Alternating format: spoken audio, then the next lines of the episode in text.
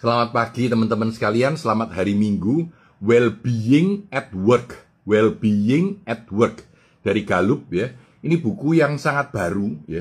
Uh, kira-kira sebulan yang lalu mungkin terbit, mungkin nggak sampai ya. Saya langsung pesen pada saat dia terbit dan dikirimkan ke Surabaya dengan sangat cepat. lalu saya baru mulai baca beberapa hari lalu.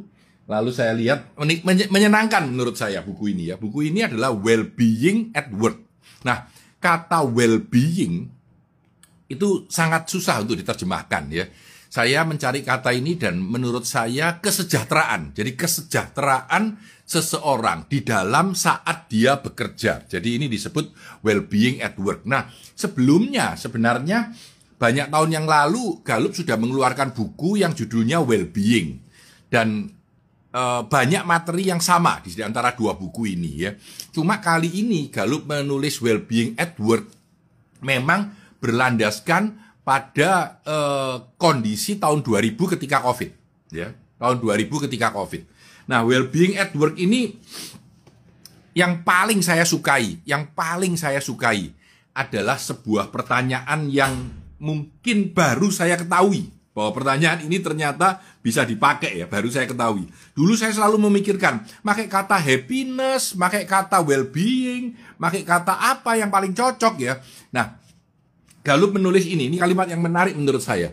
The best possible life. What is the best possible life? Jadi, uh, kalimat yang kunci, jadi dia bertanya begini Eh, teman-teman tolong tulis di bawah nanti ya chat saya di setelah setelah rekaman selesai tolong ditulis ya. Kalau Anda mengukur kehidupan terbaik yang mungkin bisa, the best possible life. Kalau dari yang paling jelek itu nol, paling bagus itu 10. Jadi dari 0 sampai 10 ya. The best possible life. Selalu sedikit. Jadi di dalamnya ada kesehatan kita, kebahagiaan kita, kepuasan kita, kekayaan kita dan seterusnya. Semua jadi satu. Ya, kalau Anda memberi nilai diri Anda sendiri saat ini, saat ini, nilainya berapa? Best possible life itu berarti uh, kehidupan yang paling saya inginkan, ya, dibandingkan dengan uh, yang paling tidak saya inginkan. Wah ya, jadi ini neraka, ini surga lah. Di antara itu Anda sekarang pada posisi berapa? 10 kalau paling atas, ya. Paling bawah 0. Ya. Coba dikasih angka satu, ya, dikasih angka di dalam chat. Silakan, silakan. What is the best possible life? Bahasa sebenarnya yang dipakai oleh dia, ya. Uh, dalam sebuah tangga seperti ini, tangga seperti ini, ini tangga ya. 0 sampai 10, ya. Pertanyaan pertama adalah kalau ini 0 sampai 10 di mana 10 itu best possible life, anda sekarang pada angka berapa? Anda sekarang pada angka berapa gitu, ya?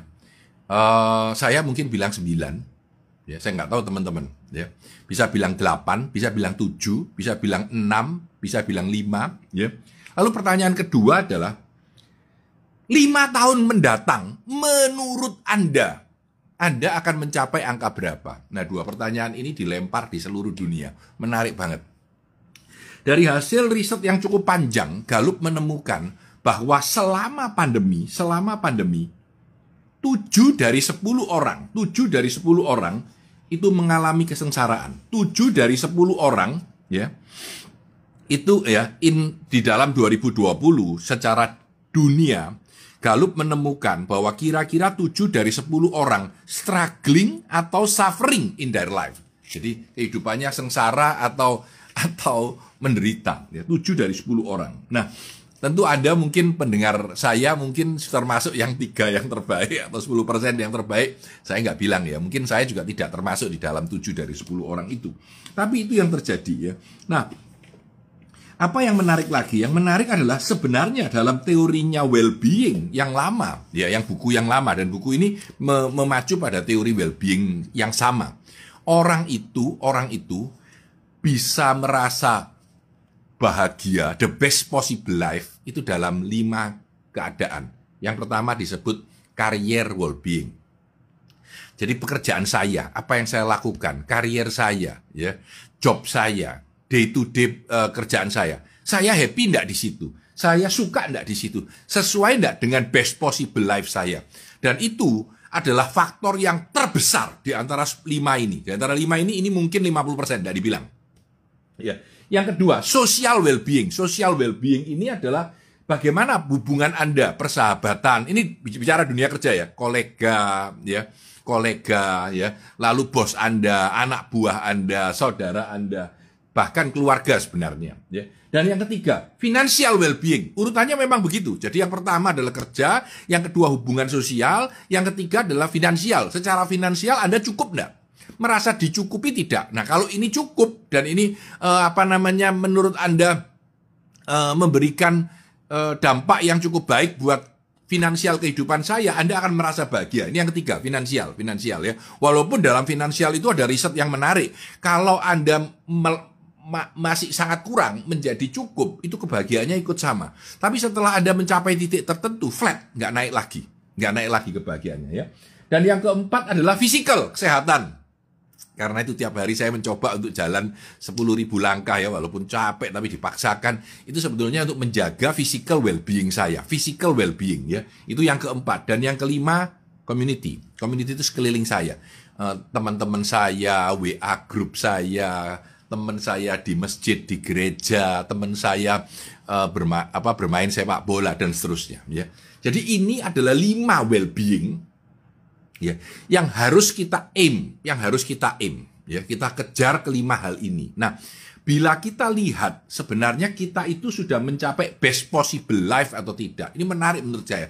Kata best possible life itu keren, ya.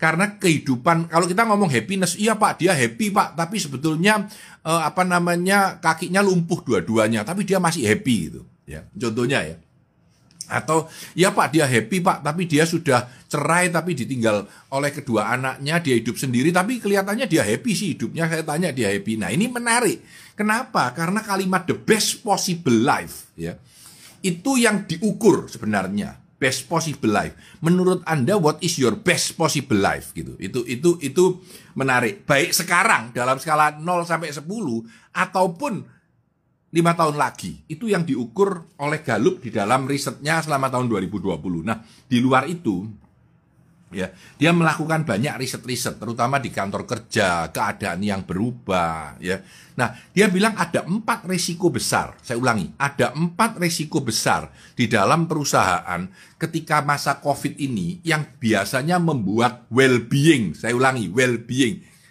kesejahteraan pekerja itu menjadi buruk ya empat hal yang pertama employee mental health ya employee mental health jadi kesehatan mental dari karyawan nah Tiap orang menghadapi COVID dengan cara yang berbeda. Tiap orang mengalami depresi dengan level yang berbeda.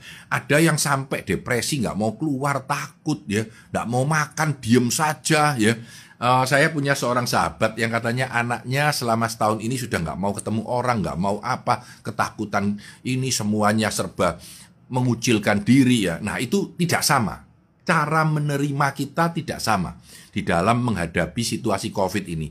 Cara menghadapi risiko ini tidak sama. Ada yang berani dan uh, oke okay, nggak apa-apa kita ketemu ya nggak apa-apa. Ada yang semi berani kalau ketemu nggak apa-apa tapi hati-hati ya. Tapi ada juga yang wah nggak mau ketemu orang sama sekali ya. Nah sehingga yang pertama adalah mental health dari karyawan kita harus kita perhatikan tiap orang beda. Ini yang pertama ya. Ini yang pertama. Yang kedua lack of clarity and purpose. Jadi kalau orang itu kerja tidak punya tujuan hidup, tidak punya keinginan hidup, celaka dia ya, terutama di masa pandemi. Jadi pertanyaannya selama 2020 corporate culture dan corporate situation dan karyawan kita apa yang terjadi di sana ya. Yang pertama tadi mental health, yang kedua adalah tidak adanya clarity, kejelasan dan purpose tujuan hidupnya dia.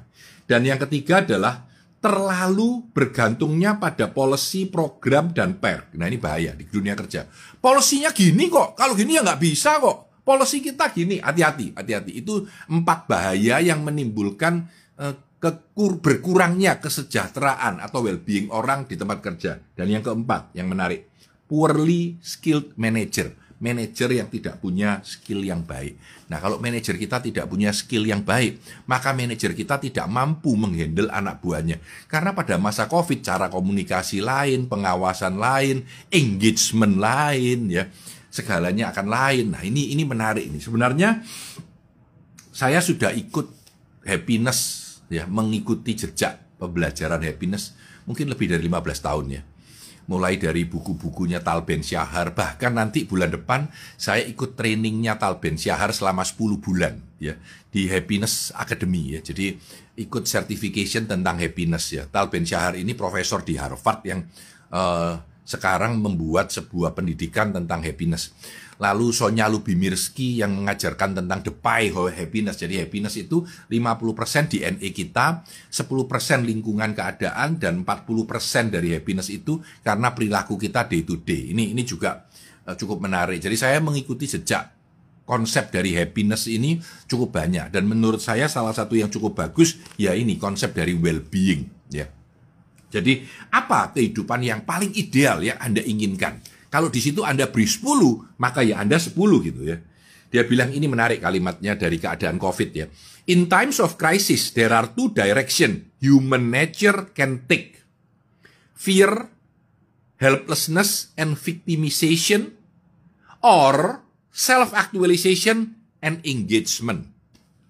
Di waktu kritik, krisis ya, ada dua direction, arah yang bisa diikuti manusia. Yang pertama, takut, merasa tidak berdaya, dan merasa menjadi korban.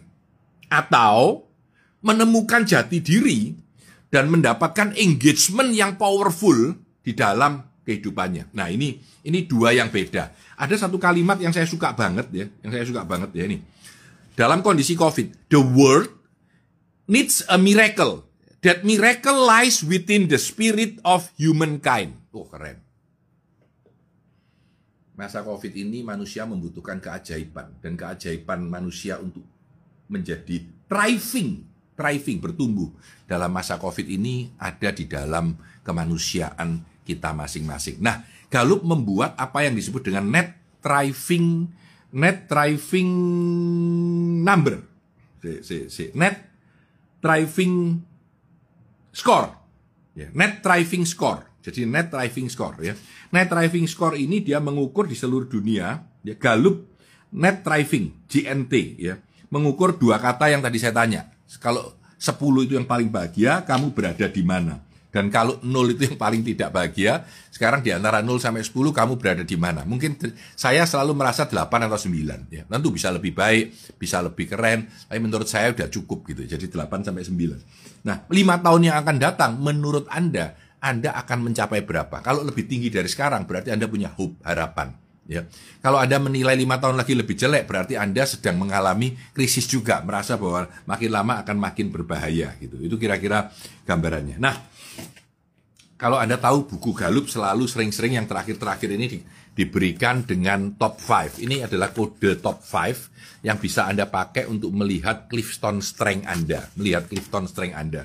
Jadi uh, Anda punya apa? Misalkan uh, Anda punya communication, Anda punya activator, punya apa? Jadi buku ini ini aja sudah sudah 300 ribu ya ininya aja. Jadi bukunya saya kira saya nggak tahu kalau sampai sini mungkin 400 lebih ya. Jadi worth it untuk dibeli. Nah, uh, di dalam buku ini tentu seperti biasa bukunya Galup selalu ada bagian yang menjelaskan tentang Clifton Strength ya. Nah, di dalam Clifton Strength ini jadi contohnya contohnya saya ambil aja ngawur ya.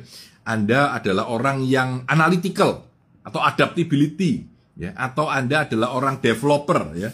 Uh, dia mengajarkan bagaimana mengejar lima well-being tadi ya, lima well-being work ya pekerjaan ya lalu sosial kehidupan sosial finansial ya physical dan community untuk membuat kita menjadi lebih bahagia. Jadi mengarahkan setiap strength kita. Misalkan strength Anda relator ya. Dalam karier, lalu Anda selalu memikirkan apa one on one engagement yang bisa kita lakukan dengan orang yang dekat dengan kita. Di dalam hubungan sosial ya. Kalau orang yang relator nggak nyaman dengan orang banyak, nyamannya dengan satu demi satu, maka bagaimana saya membentuk satu demi satu hubungan yang baik di dalam kehidupan sosial kita? Finansial, bagaimana menggunakan relationship untuk menjadi financial advisor atau mendapatkan saran dari finansial ya. Kalau secara fisikal, bagaimana memotivasi orang yang punya relator ini untuk mau exercise ya, mungkin mengajak satu body untuk jalan bareng atau apa. Dan di dalam community bagaimana coaching orang ini, kalau kita mengcoaching dia, mengencourage dia supaya lebih mau bertumbuh di dalam komunitas. Jadi inti sederhananya, saat setiap dari 34 strength itu dijelaskan satu demi satu bagaimana mengejar 34 eh 5 hal yaitu 5 well-being yang di, diberikan yang digambarkan oleh uh, well-being at work ya, well-being at work dari Gallup ini. Oke, saya lompat ke hal berikutnya. What follower needs during a crisis. Jadi ini juga uh, konsep lama yang sebetulnya di revise di sini lagi, yaitu uh, strength based leadership. Sebagai seorang pemimpin atau seorang manajer, Anda butuh empat hal untuk membuat supaya uh, anak buah Anda, follower Anda itu menjadi lebih happy di dalam pekerjaannya. Bahasanya saya sederhanakan, lebih happy di dalam pekerjaannya. Yang pertama adalah hope, memberikan harapan kepada mereka ya, mengarahkan supaya mereka punya harapan akan masa depan mereka. Dan yang kedua stability, stability itu uh, orang merasa kerjanya stabil, tidak berisiko untuk dipecat, tidak dipersulit, tidak ya jadi ini disebut stability.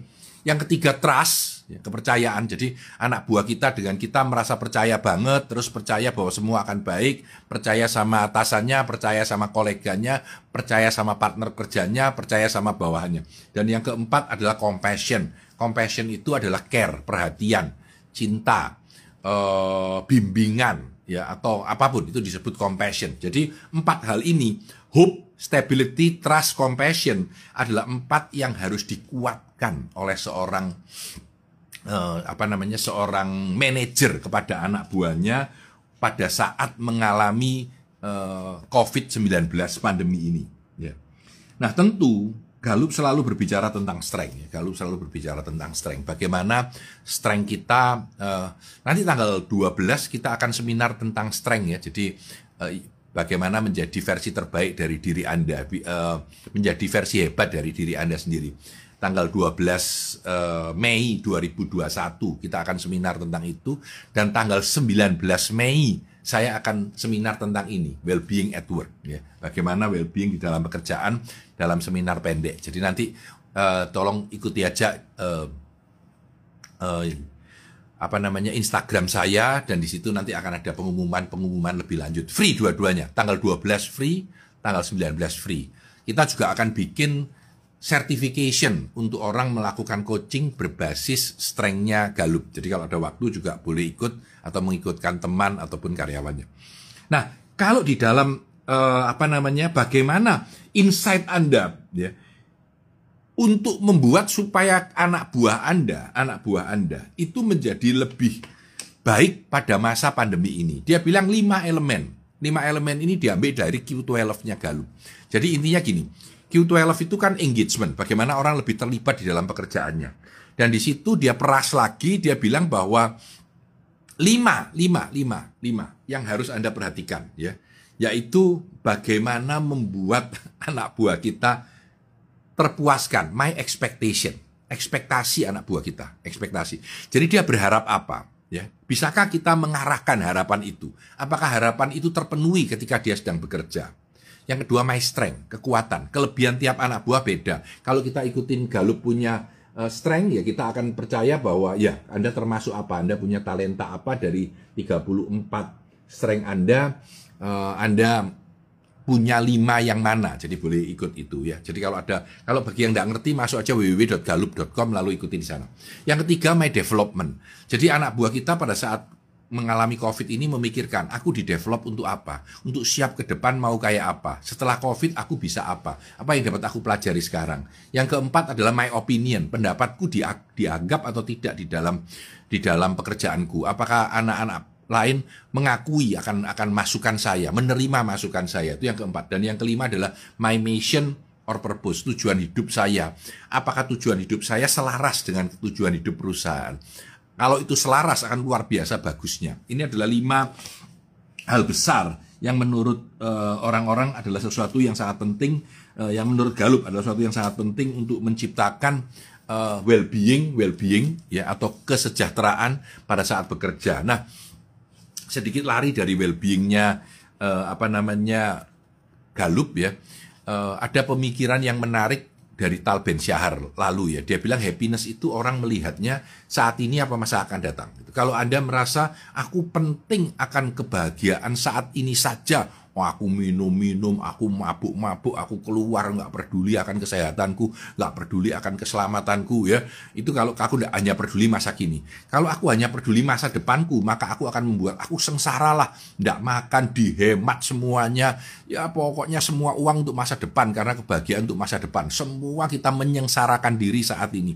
Nah yang terbaik ya menurut Tal adalah balance.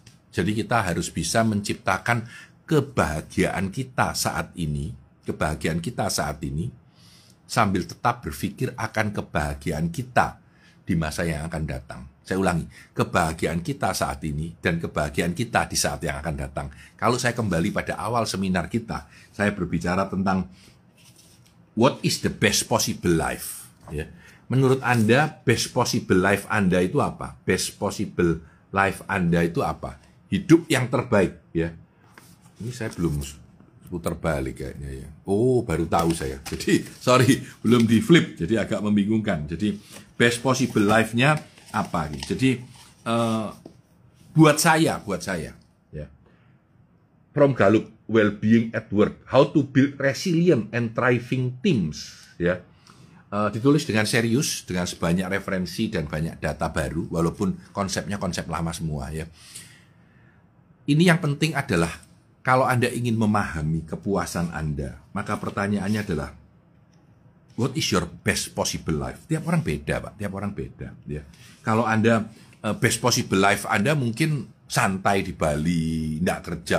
Mungkin ada yang bilang best possible life saya ya bekerja dengan keras, ya. Mungkin uh, hidup dengan secukupnya, pokoknya cukup makan, cukup hidup itu enggak apa-apa. Tapi ada orang yang bilang, enggak, kalau aku enggak makan enak tiap hari, aku bukan best possible life. Tiap orang punya standar best possible life yang berbeda. Pertanyaannya ada dua. Yang pertama saat ini dalam skala 0 sampai 10, Anda berada di angka berapa? Ya. Saat ini dari 0 sampai 10, Anda angka di, berada di angka berapa? Dan lima tahun dari sekarang, Anda merasa Anda akan di angka berapa? Akan di angka berapa? Kalau sekarang saya bilang 8, 5 tahun lagi apakah 9? Ataukah tetap 8? Ataukah saya bilang saya akan 9 setengah atau 10? Atau justru akan 7 atau 6? Ya. Maka itu yang penting. Best possible life ini kalau versinya Galup mencakup 5 hal, yaitu karier, karier ini pekerjaan ya, job ya. Ini penting banget. Bahkan job ini jauh lebih penting daripada yang lain. Ya. Nomor dua adalah sosial, yaitu hubungan saya dengan orang lain. Yang nomor tiga itu finansial, keuangan. Yang nomor empat itu adalah kesehatan. Dan yang nomor lima itu adalah komunitas atau sekeliling kita, tim kita. Ya. Oke, teman-teman sekalian, uh, kembali dia bilang bahwa yang paling mampu untuk membuat kita menjadi well-beingnya tumbuh di kantor adalah ketika kita memanfaatkan strength kita. Ketika kita memanfaatkan kekuatan kita dalam bekerja. Itu adalah the shortest cut untuk membuat pekerjaan kita menjadi lebih engage, lebih happy, lebih tinggi well-beingnya adalah ketika kita mengerjakan atau menggunakan strength kita. Nah, teman-teman yang mau ikut seminar pada tanggal 12 Juni, 12 Juni akan ada seminar jam 9 sampai jam 8.30 sampai jam 12 cukup panjang. Kita berbicara tentang strength, ya kita berbicara tentang the best version of yourself gitu, ya. Uh, 6 pembicara setengah jaman cukup unik dan menarik. Dan seminggu kemudian tanggal 19 saya akan berbicara tentang ini, well-being at work di dalam format seminar. Semoga minggu pagi ini memberikan banyak kebahagiaan buat teman-teman sehingga diharapkan well-beingnya, well-being, kesejahteraannya sedikit banyak bisa naik karena hari ini kita bahagia dan semoga lima tahun lagi kita menjadi lebih bahagia. Saya Tanah Disantoso, sukses selalu untuk Anda.